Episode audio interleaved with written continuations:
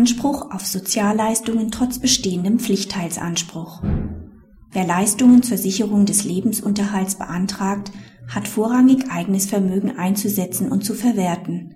Dazu gehört in der Regel auch ein Pflichtteilsanspruch. In Ausnahmefällen muss dieser Anspruch nicht geltend gemacht werden, um solche Sozialleistungen zu erhalten. Der vormals allein verdienende Erblasser hatte ein kleineres Familienheim erwirtschaftet, welches er mit seiner Ehefrau bewohnte. Diese Immobilie spiegelte die wirtschaftliche Lebensleistung des Verstorbenen und seiner Ehefrau wider. Die Eheleute errichteten ein Berliner Testament, welches eine Pflichtteilsstrafklausel enthielt.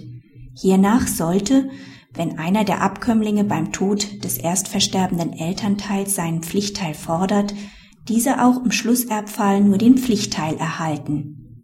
Nach dem Ableben des Ehemanns wurde einer der Abkömmlinge arbeitslos und zog bei der Mutter ein.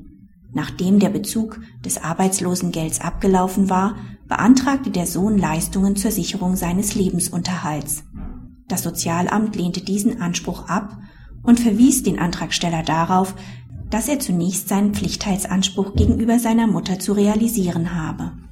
Dem trat das Landessozialgericht Nordrhein-Westfalen nun entgegen und sah in der geforderten Geltendmachung dieses Anspruchs ausnahmsweise eine unzumutbare Härte im Sinne des Paragraphen 12 Absatz 3 Satz 1 Nummer 6 SGB II.